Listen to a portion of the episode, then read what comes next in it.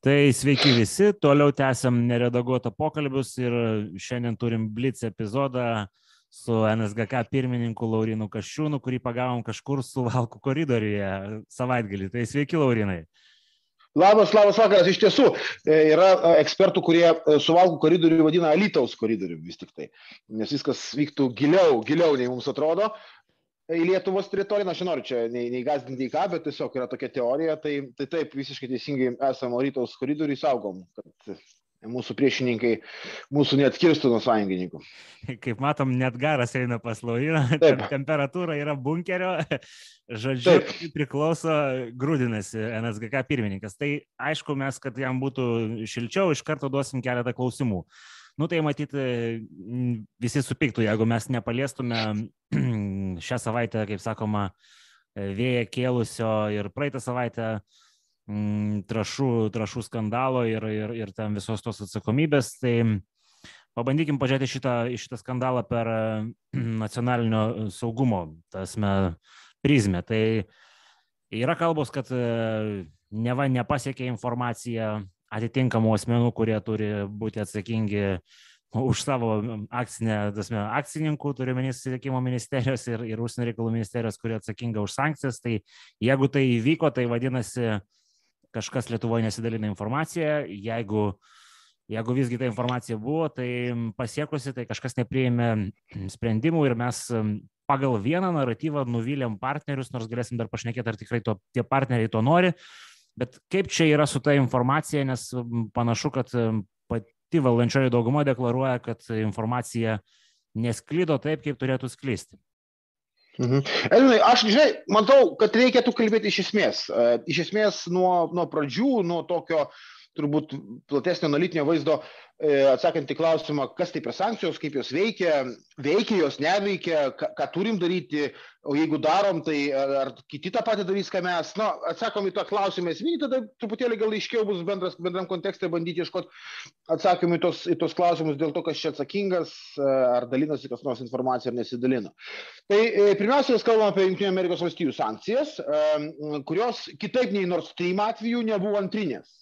Kitaip tariant, įmonėm, kurios uh, netiskaito dolerių, kur nėra Amerikos piliečių, mm, uh, jos iš principo negalioja. Kitaip tariant, na, netgi buvo kalbu apie tai, kad amerikiečiai savotiškai siuntė žinę, um, kad taip nenori labai sužaloti mūsų savo sąjungininkų, kuriems suprantama gali turėti tam tikrą na, ekonominį poveikį, tam tikros sankcijos, ypač kai kalbam apie trašų tran tranzitą. Ir čia turbūt yra labai svarbu, kad uh, jeigu jau taikytų sankcijas Europos Sąjunga, Ne? Tada jokių tokių plyšių didelių, tokias analogiškas sankcijas. Tada na, tokių plyšių didelių, kaip šiuo atveju, e, nebūtų. Ir tada būtų galima kalbėti apie, apie tai, kas veikia, kas neveikia ir panašiai. Tai ką aš noriu pasakyti? Aš noriu pasakyti, kad, na, e, įsivaizduokit dabar tokią situaciją. Tiesiog dabar bandykime analitiškai viską dėlioti. E, reiškia, Lietuva įveda Amerikai analogiškas sankcijas amerikietiškoms analogiškas sankcijas, nors pareigos tą daryti nėra. Teisiškai nėra, tą mes, man atrodo, visi sutarėm. Politiškai vertinimo klausimas, be abejo, valstybė vyriausybei, kuri na, nuolat pabrėždavo vertybinę politiką, jos laikysiną, taip, turbūt atsakymas šitą klausimą yra sudėtingesnis negu tie, kurie, kurie galėtų kalbėti apie pragmatinę politiką. Ne? Iš čia matyti ir turbūt tą sukilusi politinė temperatūra, iš čia matyti ir tai, kad ministrai rašė pareiškimus, iš čia matyti ir dėl to, kad premjerė labai rimtai vertino situaciją, nes priėmė tai asmeniškai, ypač kai įvairūs analitikai ir, ir ne tik analitikai, bet ir politikai iš sakykime, savų rato visą tai vadino vos ne darbų Lukašenkai, ne, kas iš principo žmonės tą priėmė asmeniškai, dėl to ta temperatūra uh, taip emociškai užkaito. Aš tai manau, kad viską buvo galima daryti uh, porą laipsnių žemiau ir net nemanau, kad čia reikėjo eiti kažkokią tai krizės terminais paženklintą situaciją, nes viskas yra labai paprasta, reikia viską labai realistiškai ir sveikų protų pasverti. Kitaip tariant, jeigu nėra ES sankcijų, E, o taikom tik tai e, analogiškai amerikietiškom sankcijom, e, tai tada klausimas, ką mes sugebam, ar mes sugebam paveikti režimo, nes sankcijų tikslas yra toks, kad režimas keistų savo elgesį, ar ne? Ar, ne, ar kažkas sugebėtų tas režimas su kažkuo kitais apeiti tas sankcijas. Ne? Tai jeigu nėra ES sankcijų, Na tai, pavyzdžiui, Latvijos uostai, sakykime, taip, sustiprinę savo pajėgumus, galėtų savo ramiai ir toliau padėti Belaruskalį tranzite į pasaulinės rinkas. Jeigu nėra europinio, yra tik Lietuva padaro sprendimą eiti paskui amerikietiškas sankcijas, o ne, o Europa e, toliau netaiko jų ir Latvija nusprendžia neiti paskui amerikietiškas sankcijas, o grinai vadovautis teisiniais, teisiniais argumentais. Grinai teisiniais argumentais. Yra? Aš jau nekalbu apie tai, kad e, Uralkali Rusijos turi interesų santykius su Belaruskalė, aš jau nekalbu apie tai, kad Rusijos uostai, kai kurie šiauriai, kurie irgi stiprina savo pajėgumų šią kryptim, irgi gali daug turėti interesų ir taip toliau ir panašiai. Dėl to tam tikrų mūsų analitikų, ekspertų teiginiai, kad iš to laimėtų Rusijos infrastruktūra ir, ir, ir, ir valstybė kaip tokia, na, jie turi pagrindo. Ta prasme, jie turi pagrindo. Dar daugiau. Yra tam tikrų interesų grupė net ir pačioje Lietuvoje. Susijusių su tom pačiom interesų grupėm, kurios susijusių su Baltarusijos režimu. Yra toks birių krovinių terminalas, mes žinom tokią e, įmonę, kuri labai tvirtai stovi uoste, kuri iš esmės ir užsijama jau uoste šitais uh, transportavimo reikalais. E, šitą. Laurinai dingo garsas. Um, dalis, šitos, dalis šitos įmonės priklauso uh, tam pačiam Belaruskali. Ir šitas BKT turi garždų geležinkelius. O tokia įmonė nedidukė, bet kuri jau kelis metus bando uh, sakyti Europai, kad Lietuvos geležinkeliai užima monopolinę padėtį ir jos reikia, na, nori gauti savo vietą rinkoje. Aš kalbu apie garždų geležinkelius. Tai gali būti taip, kad jeigu mes tiesiog, pavyzdžiui, nutrauktume kontraktus ir tos sutartys, apie kurias, aišku, galbūt ten tikrai tie, tie pervedimai daug klausimų kelia ir panašiai, aš nežinau, ar mes eisim šitą tas detalės, bet klausimų daug kelia, bet iš, tie, žinot, tie, tie netipiniai pervedimai, apie kuriuos mes kalbam. Bet iš principo tai reikštų, kad graždu geležinkelis ar kažkokia kitokia įmonė, jeigu geležinkelis Lietuvos sustabdo, gali vežti jie. Suprantat, tai reiškia kažką, o čia šitoje tai iš viso paradoksalu būtų, su Baltarusija susijimusi įmonė dar ir pasidarytų iš tranzito pinigų. Tai e, viskas taip labai kompleksiška, ką aš noriu pasakyti šitoje situacijoje. Viskas yra labai labai kompleksiška, viskas yra labai sudėtinga ir, ir natūralu, kad kai sankcijas taiko, kažkas laimi, kažkas gali pralaimėti. Ir čia mūsų valstybė turi savo atsakyti klausimą. A, kokios sankcijos veikia Baltarusijos režimą, viena, ar ne jo elgesį ir taip toliau. Antra, ar jisai gali apeiti tas sankcijas ar, ar, ar negali apeiti sankcijų. Na ir galų gale, galų gale atsakyti klausimą, kokiegi ta mūsų turėtų būti pozicija. Dabar aš nenoriu nei užbėgti nei kažkokiems tai sprendimams, įvykiams už, už akių, bet aš manau, kad mūsų užsienio reikalų ministro siūlymas, kad ES taikytų šitokias analogiškas amerikietiškams sankcijas, yra logiškiausias sprendimas visame šitame Mm, e, paveikslą sudėtingame. Ir jeigu tai būtų priimta sprendimas, tai tokiu atveju mes e, galėtume jau visai kitaip kalbėti apie poveikį sankcijų. Tai, Laurinai, viskas labai gražiai susidėliota ir, ir tos mintis, kurias vat, finalizavo, kad e, galbūt ir ES galėtų, bet kalba eina apie tai, kad mes kaip pionieriai, įsišokėliai, tas mes darom viską pirmie ir valstybės interesas, toks grinai pragmatinis, jeigu ES sankcijų nėra. Tasme, valstybės kitos gali tos, žodžiu, tą tranzitą įgyvendinti ir, tokiu atveju mes nu, nieko nepadarom Belarus kaliai ir, ir, ir Lukašenkai. Tasme, tai klausimas yra, kam iš vis tokį, tokį manevrą daryti. Tasme, kas, kas, kas iš to išlošia? Vat yra toks žiūrovo klausimas, kurį čia galiu įkomponuoti. Kodėl uh, nepanaudotų pervežimo pinigų ir už juos greičiau pastatyti sienos, e, sustiprinti, žodžiu, kažkokius e, mūsų strateginius objektus ir tada ta real politik taptų ir vertybinė. O dabar mes turim kažkokią, nu, nu komišką situaciją, kai realiai mes e, daug riekiam, tas tranzitas vis tiek įvyks per vieną ar per kitą valstybę.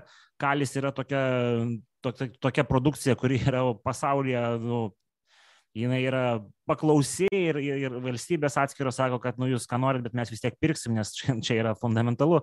Tai ar čia nėra dviprasmiška tai, ką mes darom, kažkoks skandalas dėl, dėl, dėl skandalo?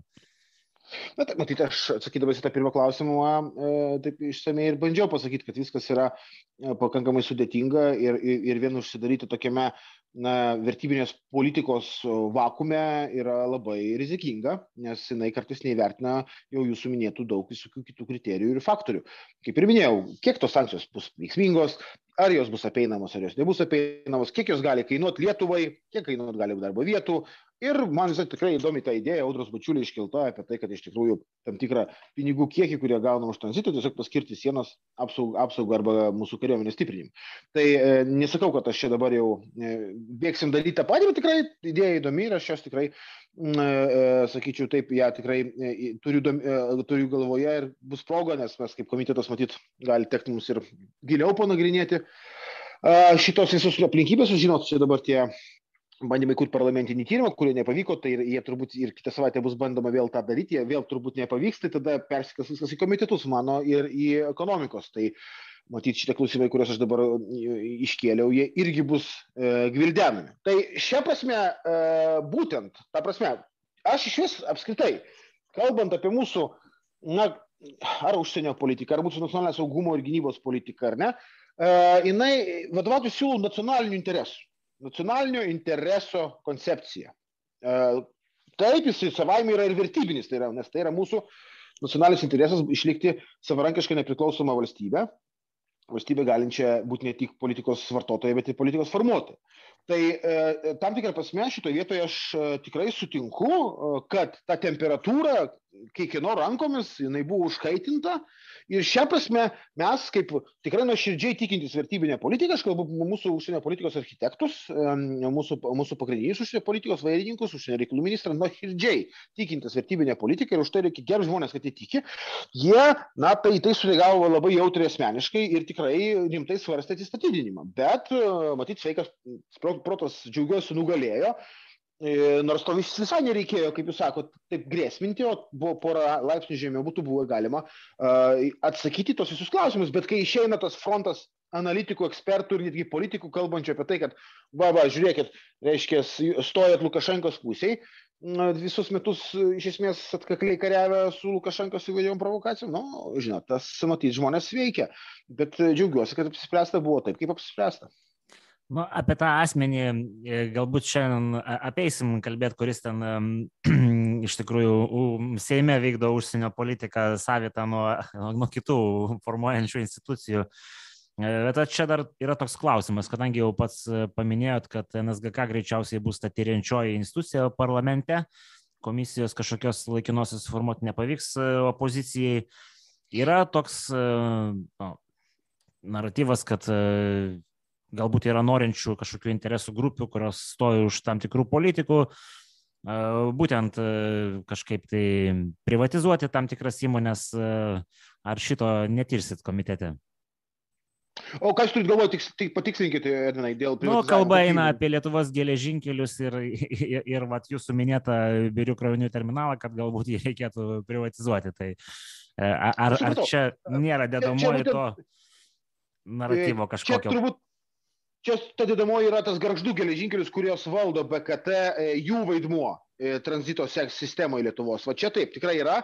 Ir aiškus BKT, per juos ir BHU skali interesas e, susilpinus geležinkelius įsitvirtinti savo poziciją. Tas įgis, aš šiek, šiek tiek noriu patikslinti, kadangi Lietuvos geležinkelių vadovas kažkada buvo paskirtas, kaip sakoma, jūsų orbitos žmogaus ir tai buvo profesionalus vadybininkas daug kas pastebi ir dabar tas profesionalus vadybininkas, kuris realiai, kaip bet koks CEO, stengiasi savo akcininkam nešti tasme daugiau pelno, jis yra patraukiamas, neva jisai turėjo vykdyti vertybinę politiką, kai numatyti tai ne visai jo kompetencijoje, tai turėtų būti akcininkų ir, tasme, ir, ir, ir, ir vyriausybės vaidmuo.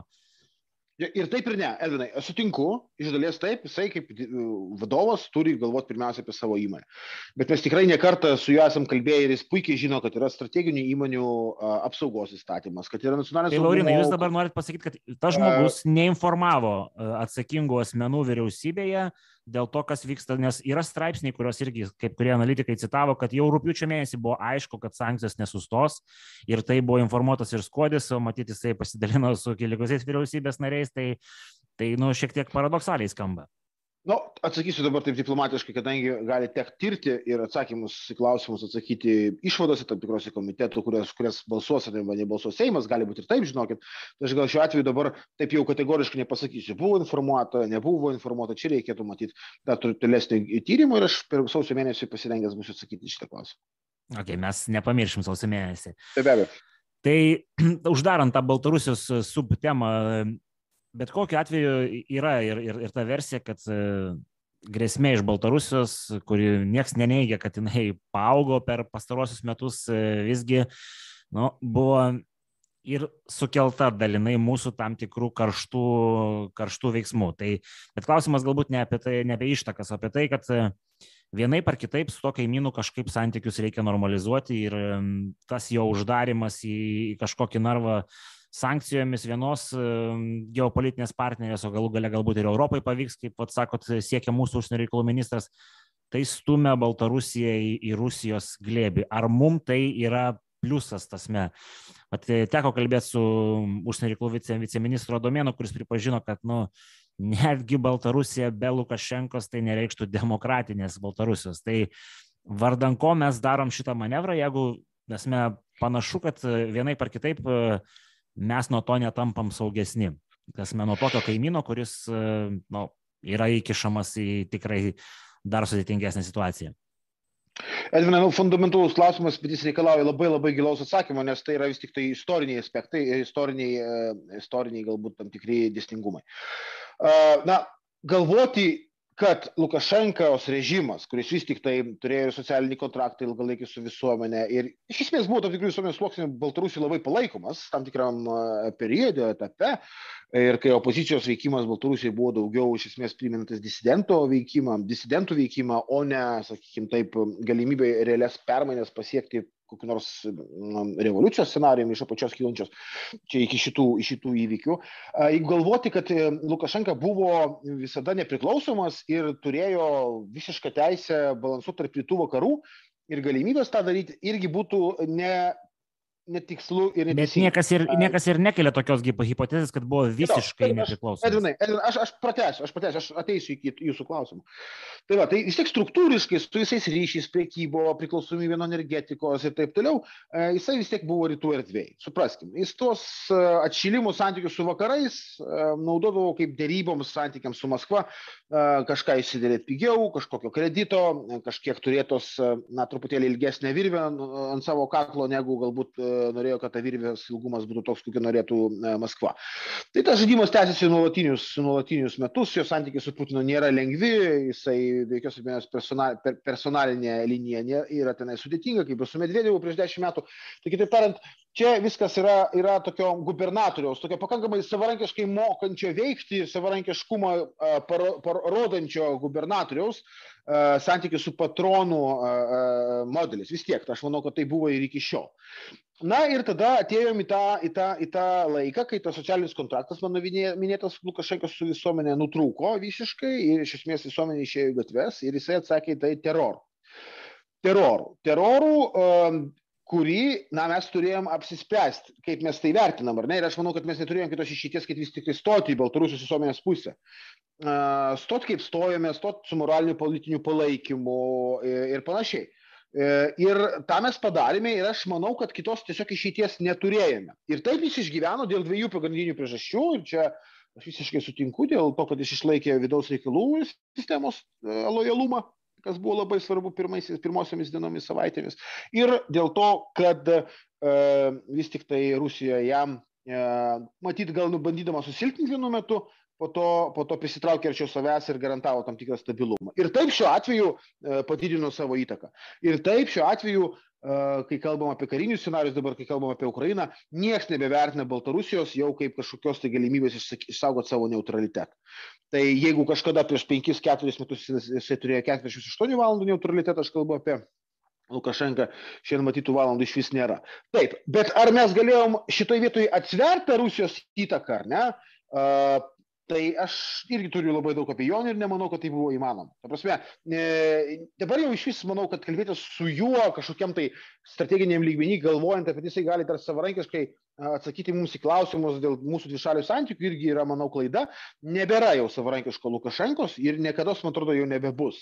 Čia klausimas kitų rinkimų ir klausimas, kokį dėlioja scenarių Kremlius. Gal dabar jis kol kas jau nedėlioja, gal dėlios truputėlį vėliau, bet faktas, kad tai yra matyti jau galbūt net ir paskutiniai Lukašenkos rinkimai, nes gali vykti ir konstitucinė reforma, gali vykti, sakykime, taip, tam tikros rokiruotės, vadinkim, Rusijos kontroliuojamas rūmų perversmas su saugumo garantijomis. Lukašenkai, supraskite vieną paprastą dalyką na jisai nepaisant kad jis žaidžia tarp rytų vakarų nu jisai visąlaik priklausys labiau nuo rytų nes ten dar gali jam suteikti kaip janukovyčiui pavyzdžiui saugumo garantijas ar ne? Jo jo vaikams jo ten nežinau kapitalui verslui ar dar kažkur tai.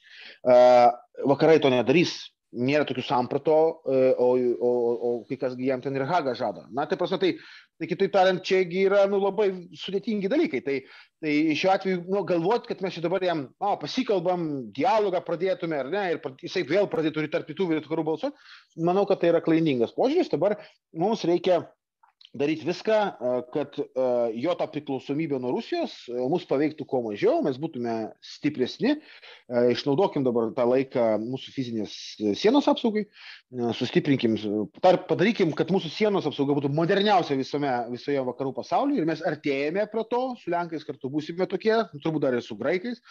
Padarykime viską, kad mes žinotume, kaip reaguoti hybridinės grėsmės, kurias čia dabar jisai bando mus, mums primesti. Parodykim tai, kad jisai mums mūsų nestumdys ir kad mes galim uh, diktuoti irgi savo žaidimo taisyklės, ar bent jau nuo jų nepriklausyti, kaip migracijai, man atrodo, reikia pasakyti, na jau pripažinkim, kad uh, šita kova, kova tikrai nes ne, nepralaimėjom, o gal, sakyčiau, net ir laimėjom, visas jo planas mūsų skaldyti iš vidaus, paversti mus dar vienu nelegalios migracijos tranzito keliu, uh, neišdegė. Ir aš tikiu, džiaugiuosi, kad prie to irgi prisidėjau ir, ir, ir tikrai mes toliau būsim stiprus prie sienos.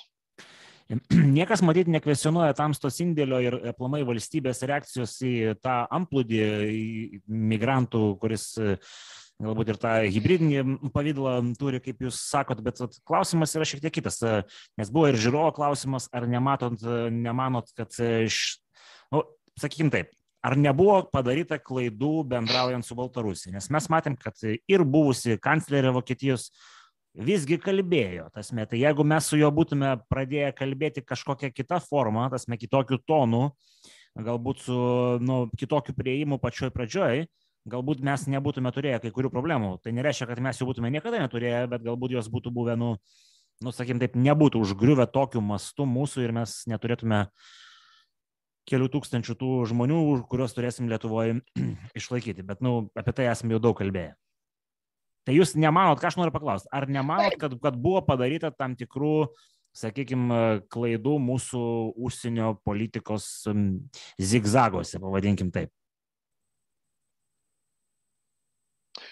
Na, žiūrėkit, visas, visas pagrindinis uh, modus operandi su Lukašenka po revoliucijos, uh, kurį galbūt ne, ne, ne, nepavyko iki galo praeitų metų rūpjūtį, iš esmės buvo dar ki, kito Lietuvoje esančio politinio establishmento, puikiai žinot, dar rinkimai buvo neįvykę. Tai aš manyčiau, kad tai buvo tam tikra ta pati trajektorija, kuri aiškiai sakė, kad nu, a, a, buvo tų minčių, jis turėtų dviejų strategiją su juo, ar ne, turėti tą tokį, e, e, žodžiu, vertybinį e, prieigą, bet kartu ir, ir turėti kažkokį kanalą komunikacijai.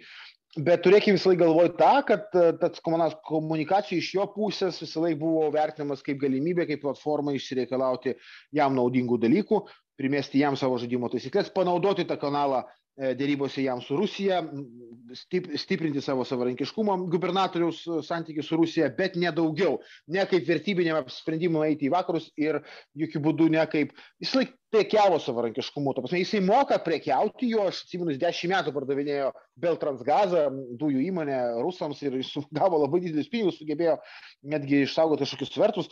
Visai, kaip darybininkas, tikrai jam reikia atiduoti, e, sakykime, netgi duoklę savotiškai, bet iš esmės jis tik jis yra nu, rytų erdvės žaidėjas ir mes jam galim galbūt sudarydami erdvę, sakykime, taip, manevrų į santykių su Rusija, bet ne, ne, ne, ne kaip pusiausvėros kažkokį tai dalyką, ar ne, tarp rytų vakarų, ko mes norėtume, pavyzdžiui, bet kaip tiesiog gubernatoriaus galimybė gubernatoriui pratęsti savo režimą dar dviem, trim metam. Tai nes dėl to, kad jis turi ne va kitą komunikacijos kanalą. Ir dar kartą priminsiu, kad bet koks dialogas, kurio jis įsiekė sukurdamas tas migracijos problemas, mums yra buvo orientuotas į mūsų pažeminimą ir bandymą mums, reiškia, pastatyti ant kelių, kad mes kalbėtumės jam reikalingais aspektais ir keltų jam reikalingus klausimus dėl sankcijų nutraukimo, dėl izolacijos mažinimo ir dėl, e, dėl kokio nors e, kito jam naudingo legitima, legitimacijos, be jokios abejonės, kas jam be galo svarbu dėl jo kaip prezidento legitimacijos. Tai šia prasme aš matyčiau, kad e, kalbėtis vardan kalbėjimo vis laik turim klausti, kur tai veda. Va. Čia yra esminis klausimas. Ar mes, ar mes turėtume svertų jam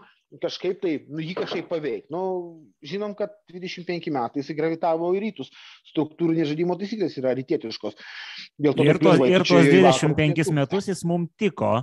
Daugiau mažiau mes tas menų neturėjom tokių drastiškų su juo santykių kaip paskutiniais metais. Tai nu, va, čia ir yra tas, nes nu, jis nepasikeitė, jisgi ne, ne, nebuvo va, pro, prodemokratiškas, o po to netapo žodžiu, bet kiti mūsų, kitos vyriausybės, įskaitant ir jūsų vyriausybė aštuntų metų turėjo kažkokį kontaktą ir, ir tai buvo, nu, tasme, kaiminiškos santykių ribose. Tai va aš tik dėl to bandau jūs e, perklausti, ar čia tikrai viskas nebuvo kiek perspausta. Bet aš suprantu, kad e, matyt atsakymas yra, kad nebuvo perspausta. Edina, man atrodo, su, kažkas su ryšiu, kažkas, kažkas su ryšiu. čia čia kažkas geras. Su ryšiu, Edinai. Ar, ar girdit mane, Laurinai? Dabar girdžiu, bet, e, bet, e, žinai, labai karpytas balsas jau buvo e, toks, žinai, su ištestimu. Okay, ir, tai, ir, ir, nu, ir pats, aš suprantu, kad iš, suvalkų koridorių yra kažkokie slopintuvai. tai... Neliktai, nu, viskas su, neblogas ryšys pas mane žiūri, bet, bet jo, gal, gal, gal. gal. Pas mane ir geras. Tvarkoj, tai žodžiu, klausimas bet kokiu atveju buvo mes tą temą matyt galėtume visi dar dvi valandas, tai gal kada bus proga kažkokia kita proga ilgiau pasišnekėti, nes yra dar Kinijos dedamoji šitos pokalbio kontekste, kur labai norisi pasižiūrėti iš esmės. Vėlgi, kažkuria prasme panaši situacija, mes esam flagmanas, e, turėjom plino lauko investiciją Lietuvoje didžiausia, dabar jai kelia grėsi, kyla grėsmių veikti, nes kai kurios dalis, kurios yra gaminamos Continental gamykloje, į Kiniją jau nebepatenka, nuo to nukentės e, Vokietijos auto, autopramonės gigantai. Kaip va, atrodo pačiam, ar, ar saugumo prasme, nes mes plačiaja prasme valstybės e, nacionalinis saugumas, e, tai matyti yra ir, ir darbo vietos, ir ekonomika, ar mes čia nepersišaunam kojas, nes, tarkim, vat, šiandien dar mačiau, kad prieš keletą mėnesių labai gražiai uh, ta pati Lenkija, tasme, toliau vysto santykius su Kinija, yra naujas ambasadorius, tuo tarpu mes e, žodžių magijoje pasiklydę visgi turėjom e, principo kažkokius kriterijus ir, ir, ir, ir Taivanas mums nu, gerokai dabar komplikuoja santykius ekonomiškai. Aišku, kaip sako dabar ne vyriausybė, tik pusę procento, bet po pusę, po pusę gali po to būti ir daug tų procentų nuo BVP. Nu, aš visada deklaravau, kad ta prasme, mes turim antikomunistinių Kinijos DNR, tą, tą mes puikiai žinom, ir, ir bendrai komunistinių sistemų mes kaip valstybė, ką rodo mūsų istorija, nemėgstam ir mes mėgstam jas atmesti, ir čia yra labai geras, gera kryptis vertybinė ir, ir, ir galimybė mūsų lyderystėje. Taip pat aš vis laiko davausi nuostatą, kad apsaugoti reikia mūsų nacionalinės įmonės nuo įvairių trečiųjų šalių įtakų, apsaugoti uostą, apsaugoti mūsų telekomunikacijas, technologijas, 5G ryšį, ką mes irgi padarėm šiais metais, daug svarbių sprendimų priėmėm ir panašiai. Tai čia, aš, aš visą šitą suprantu, šitą suprantu šitą. Aš, mes... Edvinai, Edvinai, jau judu link, link, link atsakymo. E, tai šia prasme aš visą laiką e, tą deklaravau ir ne tik deklaravau, bet mes tą darom ir realiais, realiais darbais. Bet e, kai jau pradedi kalbėti apie tą tos aukštosios diplomatijos reikalus, kai jau išeini į tą erdvę, kuri jau, na, iš Kinijos pusės vertinama kaip ten, santykis su jo tos vienos Kinijos koncepcija ar ne ir taip toliau, viską galiu, galiu viską suprasti ir palaikyti kai tu atsakai du esminius klausimus. Pirmas, ar tu darydamas drąsų veiksmą turi užnugarį? turi priemonės ir galimybės atsverti neigiamas pasiekmes. Ir antra, ką tu už tai gauni. Nu, toks nacionalinių interesų normalus turbūt požiūris, ar nesakyčiau. Tai ką aš dabar kaip tas, sakau. Kaip tas balansas, Laurinai, tada klausimas esminis. Bet galbūt reikia, norėtųsi geresnio. Galbūt norėtųsi geresnio. Aš galiu dėti į, į, į ant vienos rankos pirštų, kad dabar a, pakankamai stiprius tokius sprendimus, a, kaip a, tikrai su amerikiečiais dabar daug lengviau kalbėti dėl, sakykime, mūsų apginamumo reikalų, ir papildomų saugumo garantijų. Uh, tikrai su Ar mes turim kažką juodo, juodam balto iškaltą, žodžiu, kažkokius įsipareigojimus, nu, kurių neturėjom anksčiau? Dabar, dabar tokie dalykai neatsiranda per, per mėnesį, per du, ta prasme, bet jie klojami pagrindai, pamatai metams dviems į priekį. Bet dabar kalbėtis aukščiausių lygių yra daug, daug lengviau. Uh, tikrai taip. Ir, ir judam, judam kitą kryptim, žinokit. Tikrai. Vat, pavyzdžiui, mūsų tikslas strateginis turėti nuolatinį JAV karinį buvimą, uh, reiškia, Lietuvoje ir tai būtų, manau, labai daug. Taip pat jau yra faktiniai dalykai, kurie faktai. Tai kad jau Amerika atidarė šiek tiek daugiau rinkos mūsų žemės ūkio produkcijai, uh, pats Taivanis iš esmės irgi gali, padėjo mums kai kuriais klausimais dronai sienos apsaugos tarnybai kiti uh, svarbus dalykai, kurie turėtų irgi neužilgo atsirasti. Aš suprantu, bet tie tai... dronai ir tas praradimas finansinis, matyt, sunkiai koreliuoja. Mes čia girdėjom apie gamyklų perkelimą, bet visai neseniai buvo informacija, kad gamyklos atsidaro Japonijoje, o visgi ne, ne Europoje ir ne Lietuvoje. Ne, tai kol kas dar gal neskubėkim, vėlgi tos gamyklos irgi neatsidaro per, per mėnesį, sutikit, ar ne, tai susidaryti gali per metus, per du ir, ir, ir, ir apie tai mes e, kalba eina. Tai, ta prasme, manau, kad rezultatas tas pozityvus, pozityvios tos svarstyklės pusėje, jis bus tikrai apčiopiamas. Bet šalia to, taip, yra tas, yra tas uh, kitas aspektas ir tikrai taip, pat, pat, pati priklausomybė mūsų nuo Kinijos nebuvo didelė tiesioginė. Ir čia ten uh, tie, tie dalykai, kurie buvo blokuoti jie, sakykime, išgyvenami, sakykime, valstybės mastu, bet dabar pasigirdusi ir jau savo kažkokį tai kūną įgaunanti formą Kinijos grasinimai visokiam tarptautiniam kompanijom, kurios nėra lietuviškos, bet yra tarptautinės, vokiškos, kitos, jeigu jos turi savo gamybos ciklę kažkokį lietuvišką dėmenį, juos eliminuoti iš Kinijos rinkos, e, čia yra, čia yra rimta, E, čia yra rimta ir tai jau bus mums iššūkis, bet aš tikiu, kad vis tik tai e, šitoje vietoje pasitelkus ir e, kai kurias didesnį struktūrinę galę turinčias tarptautinės organizacijas, bendrijas, kurie nariai esame ir mes, ta pati ES, ES komisija, kuriai, kuri, kuri, kuri irgi turi ką pasakyti kinams, nes kinai, kinams įdomi visa ES rinka, ES komisija yra ta, kuri kūruoja priekybos politiką jeigu tas lietuviško demens, sakykime, diskriminacijos principas e, taip smelkiai plėsis, na, mes turėsim visą pagrindą su sąjungininkais reikalauti, kad na, tokie ribojantys veiksniai atsirastų jau ir iš ES pusės. Čia vėl mes prie, prie to pačio manevro. Ar nereikėjo su ES pasiderintų dalykų prieš tai, kad mes su šokiu vieningu balsu galėtume grumoti, o nes vėl yra tas pats leitmotyvas. Mes iššokam į priekį, kažką padarom, po to žiūrim, kaip mūsų sąjungininkai čia galėtų mus pridengti. E, žodžiu, e, aš atsakysiu, atsakysiu taip, kad e, yra padarytas sprendimas, Ir dabar, matyt, reikia daryti viską, kad tos neigiamos pasiekmes būtų amortizuotos.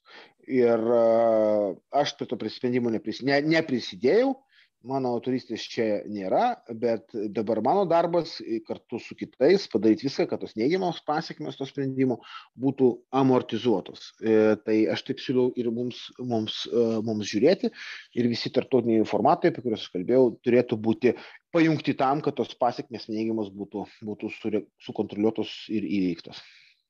Tai čia dar prie, prie, prie šito klausimo yra tokia dedamoji, kurie, apie kurią irgi kalba uh, garsiai kai kurie dešinės influenceriai, kad e, nepaslaptis tai yra Taivano lobistai, kurie yra įtakingi ir, ir kontaktais, ir finansiškai. Ir, ir yra kalbų, kad e, kai kurie pareigūnai susijęs su, su Tevinė sąjunga, kai kurie pareigūnai susijęs su užsienio reikalų ministerija turi glaudžius santykius su Taivanu, ten važinėja, žodžiu, e, yra įdirbis. Ar, ar nėra čia kažkokio tokio ne visai pamatoto kai kurių pareigūnų elgesio, nes nu, Taivanas sprendžia savo geopolitinės problemas, kurios jiem yra gyvybiškai svarbios.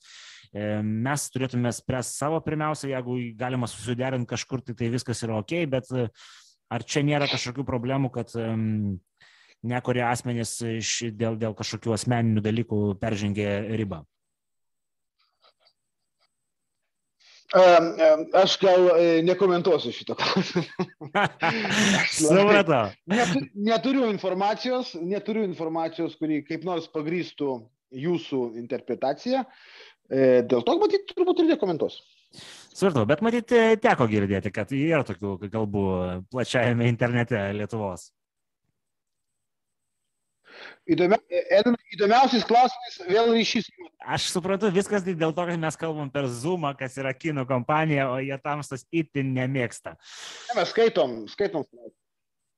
Gerai, gerai, Laurinai, tvarkoj. Tai tada e, vis tiek, kadangi čia matyti yra paskutinė šių metų laida su tamsta ir, ir šitagi yra ir kiti dalykai, kuriuos jūs veikėt per šios metus, ne tik tai jau mūsų du aptarti šiek tiek paliesti topikai, tai uh, Visiems matyti įdomu yra, kokioje dabar situacijoje yra mūsų sienos e, turistų klausimas, pavadinkim taip, e, jų apgyvendinimai, kiek jų veržiasi per sieną, panašiai, ar yra kažkokie pokyčiai, ar mes e, jau nebeturim problemos, ar jinai yra apslopus, ar jinai yra tiesiog užgošta kitų skandalų medijai. Tai tokį dar trumpą šitą temą, jeigu galit komentarą. Ačiū. Edvinai, tai aš manau, kad e, migracijos krizės e, valdymas, e, valdymas turbūt vienas, vienas sėkmingiausių dalykų.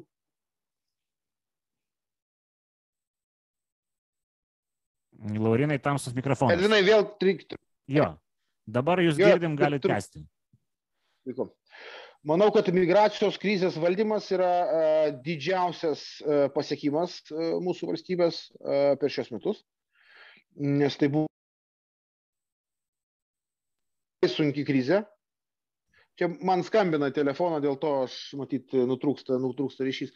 Nes tai buvo e, sunki krizė, tą Lukašenka puikiai suprato, jisai žino, kad vakarų Europoje su tom taisyklėm visom, apie kurias nekartą kalbėjom, kurti nelegalią migraciją yra, yra labai labai labai jautru, nes yra vidurio Europos požiūris, yra vakarų Europos požiūris, yra žmogaus teisų gynėjai, yra nevyriausybininkai, yra didžiuliai skirtumai, yra socialinės kultūrinės įtampos ir kiti labai rimti dalykai, bet mes sugebėjom tą įveikti. Sakyčiau, gal jau netgi įveikti arba bent jau gerai stabilizuoti, taip negalima kalbėti, kad jau krizė visiškai įveikta, nes ji gali būti pulsuojanti, bet mano požiūriu tas sprendimas, kurį mes prieimėm rūpiučio pradžioje, apgrėžimą vykdyti nelegalių migrantų prie sienos, būti stipriem prie sienos buvo esminis, lūžinis ir jisai buvo toksai, kuris atrodė vakarų Europos akimis labai, sakykim, toks konservatyvus, bet jisai buvo labai stiprus ir labai reikalingas ir tam tikrą prasme, manau, net ir ėmė keisti visos vakarų Europos uh, politiką. Žinokit, vat, kaip tik už vakar buvo atvykę Senato Prancūzijos, um, kuris visiškai dešinysis yra dešinių dominuojamas, respublikonų dominuojamas, kurios dabar kandidatė yra antra, uh, pagal prognozijas antroje antroj vietoje po Makrono. Uh, jie, nu, neslėpė daug gerų žodžių Lietuvai, ta prasme, apie tai, kaip mes tą padarėm. Kaip mes tą padarėm kartu su Lenkais, bet ypač Lietuvai, kuri rado tą labai tokia aiškiai pusiausvyrę tarp, tarp, tarp, reiškės, tarp tų tokių minkštesnių priemonių ir griežtos politikos. Tai, kitaip tariant, kitaip tariant tikrai, manau, istorinis čia sakykime, įvykis ir, ir, ir manau, kad jis iš, iššūkis, kurį mes įveikėm. Išbandymas, kurį, kurį, po kurio mes tapom stipresni. Supratom, kad sienas reikia saugoti, supratom, kad sieną, į sieną reikia investuoti. Tikiu, kad kitų metų rugsėjai mes turėsim vieną, sakau, stipriausių fizinių barjerų visoje Europoje. Ir tikiu gal netgi tai, kad prie, kitais metais prie to barjero finansiškai net ta pati Europa ir prisidės. Dabar jinai prisidės tik tai planuoja prie monitoringo sistemų, prie kitų įrankių stiprinimo, bet ne prie fizinio barjero. Tikiu, kad tas keičiasi požiūris. Pavyzdžiui, prancūzai išvažiavo su idėja, kad tikrai reikia pradėti net galvoti apie tokių fizinių barjerų finansavimą. Tai e, šiai minutėje, sakyčiau, skaičiai yra tokie, kad nuo rūpiučio antros dienos 8 tūkstančiai buvo bandymų atveju nelegaliai kirsti Lietuvos sieną, jie visi buvo užkardyti, tie žmonės išskyrus gal 200 su trupučiu gražinti atgal Kaip kai kurie ėjo po 3, po 4, po 5 kartus bandė, bet mes principingai mūsų pasieniečiai atliko savo darbą ir e, neleidom sukurti dar vieno nelegalios migracijos kelio. E, kaip yra pribojom čia jau esančių iki rūpiučio antros dienos atvykusių migrantų laisvę judėti, irgi tokiu būdu apribodami e, traukos faktorių, kas yra be galo svarbu dalyką, apriboti traukos faktorių. Ir dabar vyksta toliau ginčiai su mūsų draugais iš liberaliosios pusės apie tai, kas yra, kiek ten galima dar riboti laisvę judėti, bet manau, kad mes priimsime priimsim dar kartą užsieniečių teisinės padėties pataisas ir turėsim dar vieną na, pusiai metų galimybę apriboti tą uh, judėjimo laisvę. Ir tokiu būdu vėlgi susim signalą tom pačiom kilmės šalim, kad, kad šitoj vietoj Lietuva nėra geras kelias, patogus kelias nelegaliai migracijos. Čia tai yra mano, mūsų tikslas, aš manau, kad mes tikslą visai neblogai siekiam. Dabar kas yra Baltarusijos pusėje, tikrai žinom, kad 4000 yra į, į per pastarąsias savaitės e, humanitarinio koridoriaus, vadinkim taip, modelių išvykę, išvyko iš Minsko, Sakykime taip, kiek dabar yra Minske arba Baltarusija apskritai, taip galbūt kalbėkime, ne pasienio rožė, bet Baltarusija apskritai, tai apie, yra, turbūt skiriasi duomenys, bet kalba yra apie 5-6 tūkstančius. Ir kas yra svarbu, kad yra apkarpyti skrydžiai į Baltarusiją m, mm, iš kilmės šalių. Ir čia ES irgi smarkiai prisidėjo ir padėjo, bet aišku, tą lemputę visą ES uždegė ir mūsų diplomatė, tai irgi reikia ne, nepamiršti. Tai, e, tai tie apkarpyti skrydžiai, jie, jie tikrai, tikrai duoda savo efektą Aišku, yra ieškomi nauji tranzito keliai, reikia stebėti Rusijos kelią. Afganistanas, Vidurio Azija, Rusija, čia gali būti visokiausių niuansų reikia žiūrėti Rusijos nelegalios darbo rinkos e, tendencijas, nes priminsiu, 15 metais, kai Rusija dviratukais siundė nelegalius migrantus į, į, į Norvegiją, tai nebuvo kažkokie tai migrantai iš Sirijų, Afganistanų ar dar kažko, tai buvo nelegalai, kurie tiesiog dirbo juodoje Rusijos rinkai, po to jie buvo tiesiog iš ten pakelti ir juos e, mobilizuoti link šiaurės, ar ne? Tai tie dalykai gali irgi E, kartotis, tai tą irgi reikia stebėti. Bet šiandieną aš manau, kad mes net pakeitėm ir europinį požiūrį, pradėjom tikrai migracijos politikos peržiūrą su pagrindinė mintim prieglaušio teisė manipuliuoti negalima. Ir atrodo, kad mes link to, link to judam. Aišku, yra tam tikrų tendencijų. Na, Vokietijos nauja vyriausybė reikia labai atsargiai žiūrėti, kokie bus sprendimai. Pavyzdžiui, praeitą savaitgalį ta pati socialdemokratų partija Vokietijos priėmė sprendimą, rezoliuciją apie tai, kad visus tuos užsilikusius baltarusius žmonės reikia pasivežti į Vokietiją. Ačiū Dievui, Šolcas matyt labai rimtai nesureagavo į šitą, bet va tokie va, tai yra pasiūlymai Vokietijai gyvi. Ir jie labai naudingi Lukašenkai, kuris vis laik gali sukurti humanitarinę situaciją su žmogaus šitų žmonių gabentojais, biznį turėdamas bendrą. Nes žinos, kad vakarų Europoje atsiras kažkas, kuris norės e, savanoriškai pasidalinti naštą. Tai tokie traukos faktorius atsirandantis naujas. Tai e, tikimės, kad vis tik sveikas protas laimės ir e, mūsų tas stiprus, konservatyvus, nacionalinį interesą ir saugumas saugantis sprendimas, kuris tęsiasi iki šiol ir pasiteisino, na, bus taps uh, rimtų argumentų visai Europai.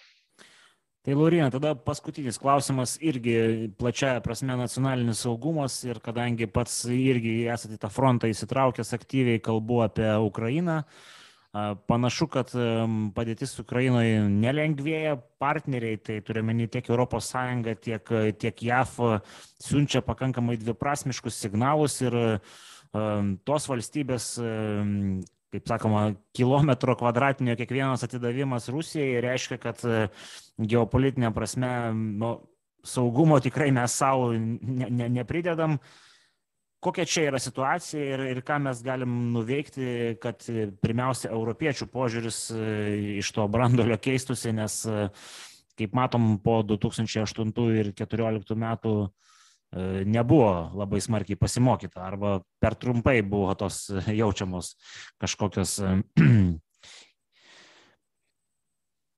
pamokos, sakykim taip. Tai pabandau atsakyti šitą klausimą, kuriam, kuriam matyti reikėtų visos laidos, pabandysiu e, konceptualizuoti šiek tiek savo, savo mintis. Pirma, e, Rusijos strateginiai kultūroje labai e, svarbus dėmuo yra e, siekti tam tikrų dividendų politinių, kartais ir karinių per eskalaciją. Tu užkeli temperatūrą e, ir tada bandai pradėti dėrybas. E, tai matyt, galbūt ir šį kartą tai e, veikia. Veikia to pati logika. Bet šį kartą jinai veikia taip, kad jau yra daugiau ženklų, kad jie yra pajėgus pradėti ir plataus masto karinę operaciją. Kitaip tariant, tas yra toks strateginis neapibrieštumas. Gali būti įvairūs scenarijai. Galbūt norėtųsi taip, bet gali gautis kitaip. Ir čia vakarams yra labai sudėtinga, nes ta Rusija žino, kad vakarų visuomenės konfliktui kariniam yra nepasiruošusios, tą puikiai žinom, ar ne, išskyrus galbūt Junktinės Amerikos valstijos su savo karinė galybę ir Britus. Bet būtent vakarų visuomenės Europos, sakykime taip, jie, jie, jie yra linkę geriau dėrėtis, geriau patenkinti tam tikrus, reiškia, kažkokius tai galbūt ne visas, ko siekia Rusija, bet a, tam tikrus klausimus, atliepti juos, kad a, būtų deeskalacija. Ne? Ir ta Rusija žino ir ta vat, jų strateginė kultūra yra orientuota į tai, kad žino, kad vakarai nenorės duoti tvirto atsako. Ir a, vat, jos susijungia ir čia mes turim tam tikras dilemas, kai Rusija dabar meta ant, ant stalo reikalavimus dėl NATO plėtros apribojimų į rytus, dėl to, kad NATO veikimas būtų apribotas Jodojo jūroje, kad atsirastų aiškus apribojimas ir mūsų valstybėje, kuri yra kaiminė šalis, ką mes čia galim turėti uh, iš NATO pajėgumų. Tai yra noras mus paversti formaliais NATO nariais. Ar ne? Tu esi NATO narys alijanso, bet, uh, bet iš esmės uh, bando tave apriboti per kažkokius tai sutarimus. Ir kas įdomiausia, kad nu, jie taiko į tai, kad vat, vakaruose tiek atsiras jėgų, kuriais sakys pasikalbam. Ir čia reikia labai aiškiai mums kaip valstybei pasakyti, kad tik atgrasimas, o ne nuolaidos yra kelias į šitos situacijos sprendimą. Tik atgrasimas, o ne nuolaidos. Atgrasimas ne tik per galimybę turėti labai rimtas sankcijas, nuo SIS sistemos iki kitų labai rimtų dalykų, bet ir paremti tą pačią Ukrainą ginklais ir kitais, ir kitais, ir kitais labai svarbiais sprendimais. Ir kad jokia šalis trečioji negali turėti uh, veto teisės dėl NATO plėtros į rytus. Mano prognozija, kad vis tik tai bus kažkas tarpinio, sakykim taip, kad kažkokios nuolaidos gali būti padarytos, bet matyt, tai nelies Lietuvos ir ačiū Dievui, mums kaip tik šitą situaciją reikia išnaudoti kaip nu, nacionalinio saugumo stiprinimo galimybę, sakykim taip, bet mūsų kalbant apie tas per vidurį esančias šalis, toje vadinamoje pilkojo zonoje esančias šalis, kaip, kaip Ukraina, kaip Sakartvelas, jiems gali tekti daugiausia kaštų šitoje situacijoje, bandant, kad kažkoks tai modus vienas operandis susiklostytų iš naujo. Tai va, tai čia tokios keletą minčių, o mūsų principas turi būti taip. Vakarams žinia aiški, kad atgrasinti yra pigiau negu ginti, tai yra mums, ypač mūsų regionų, ir dėl Ukrainos ir kitų atgrasimos, o ne nuolaidos.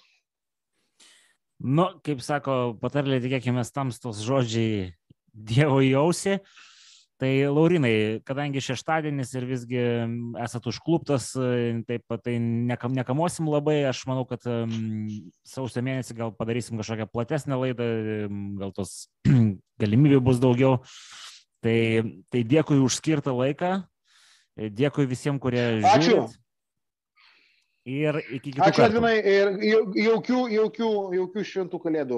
Ne, ne, ne sezono švenčių, o šventų kalėdų. Taip, taip, mat, matot, taip. Laurinas e, visgi politikorektiškumo ES nėra perėmęs. Tai ką, iki kitų kartų.